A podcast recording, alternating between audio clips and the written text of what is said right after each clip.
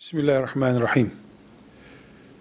Yiyecek, giyecek, barınma, eğitim masraflarının karşılanmasına nafaka diyoruz.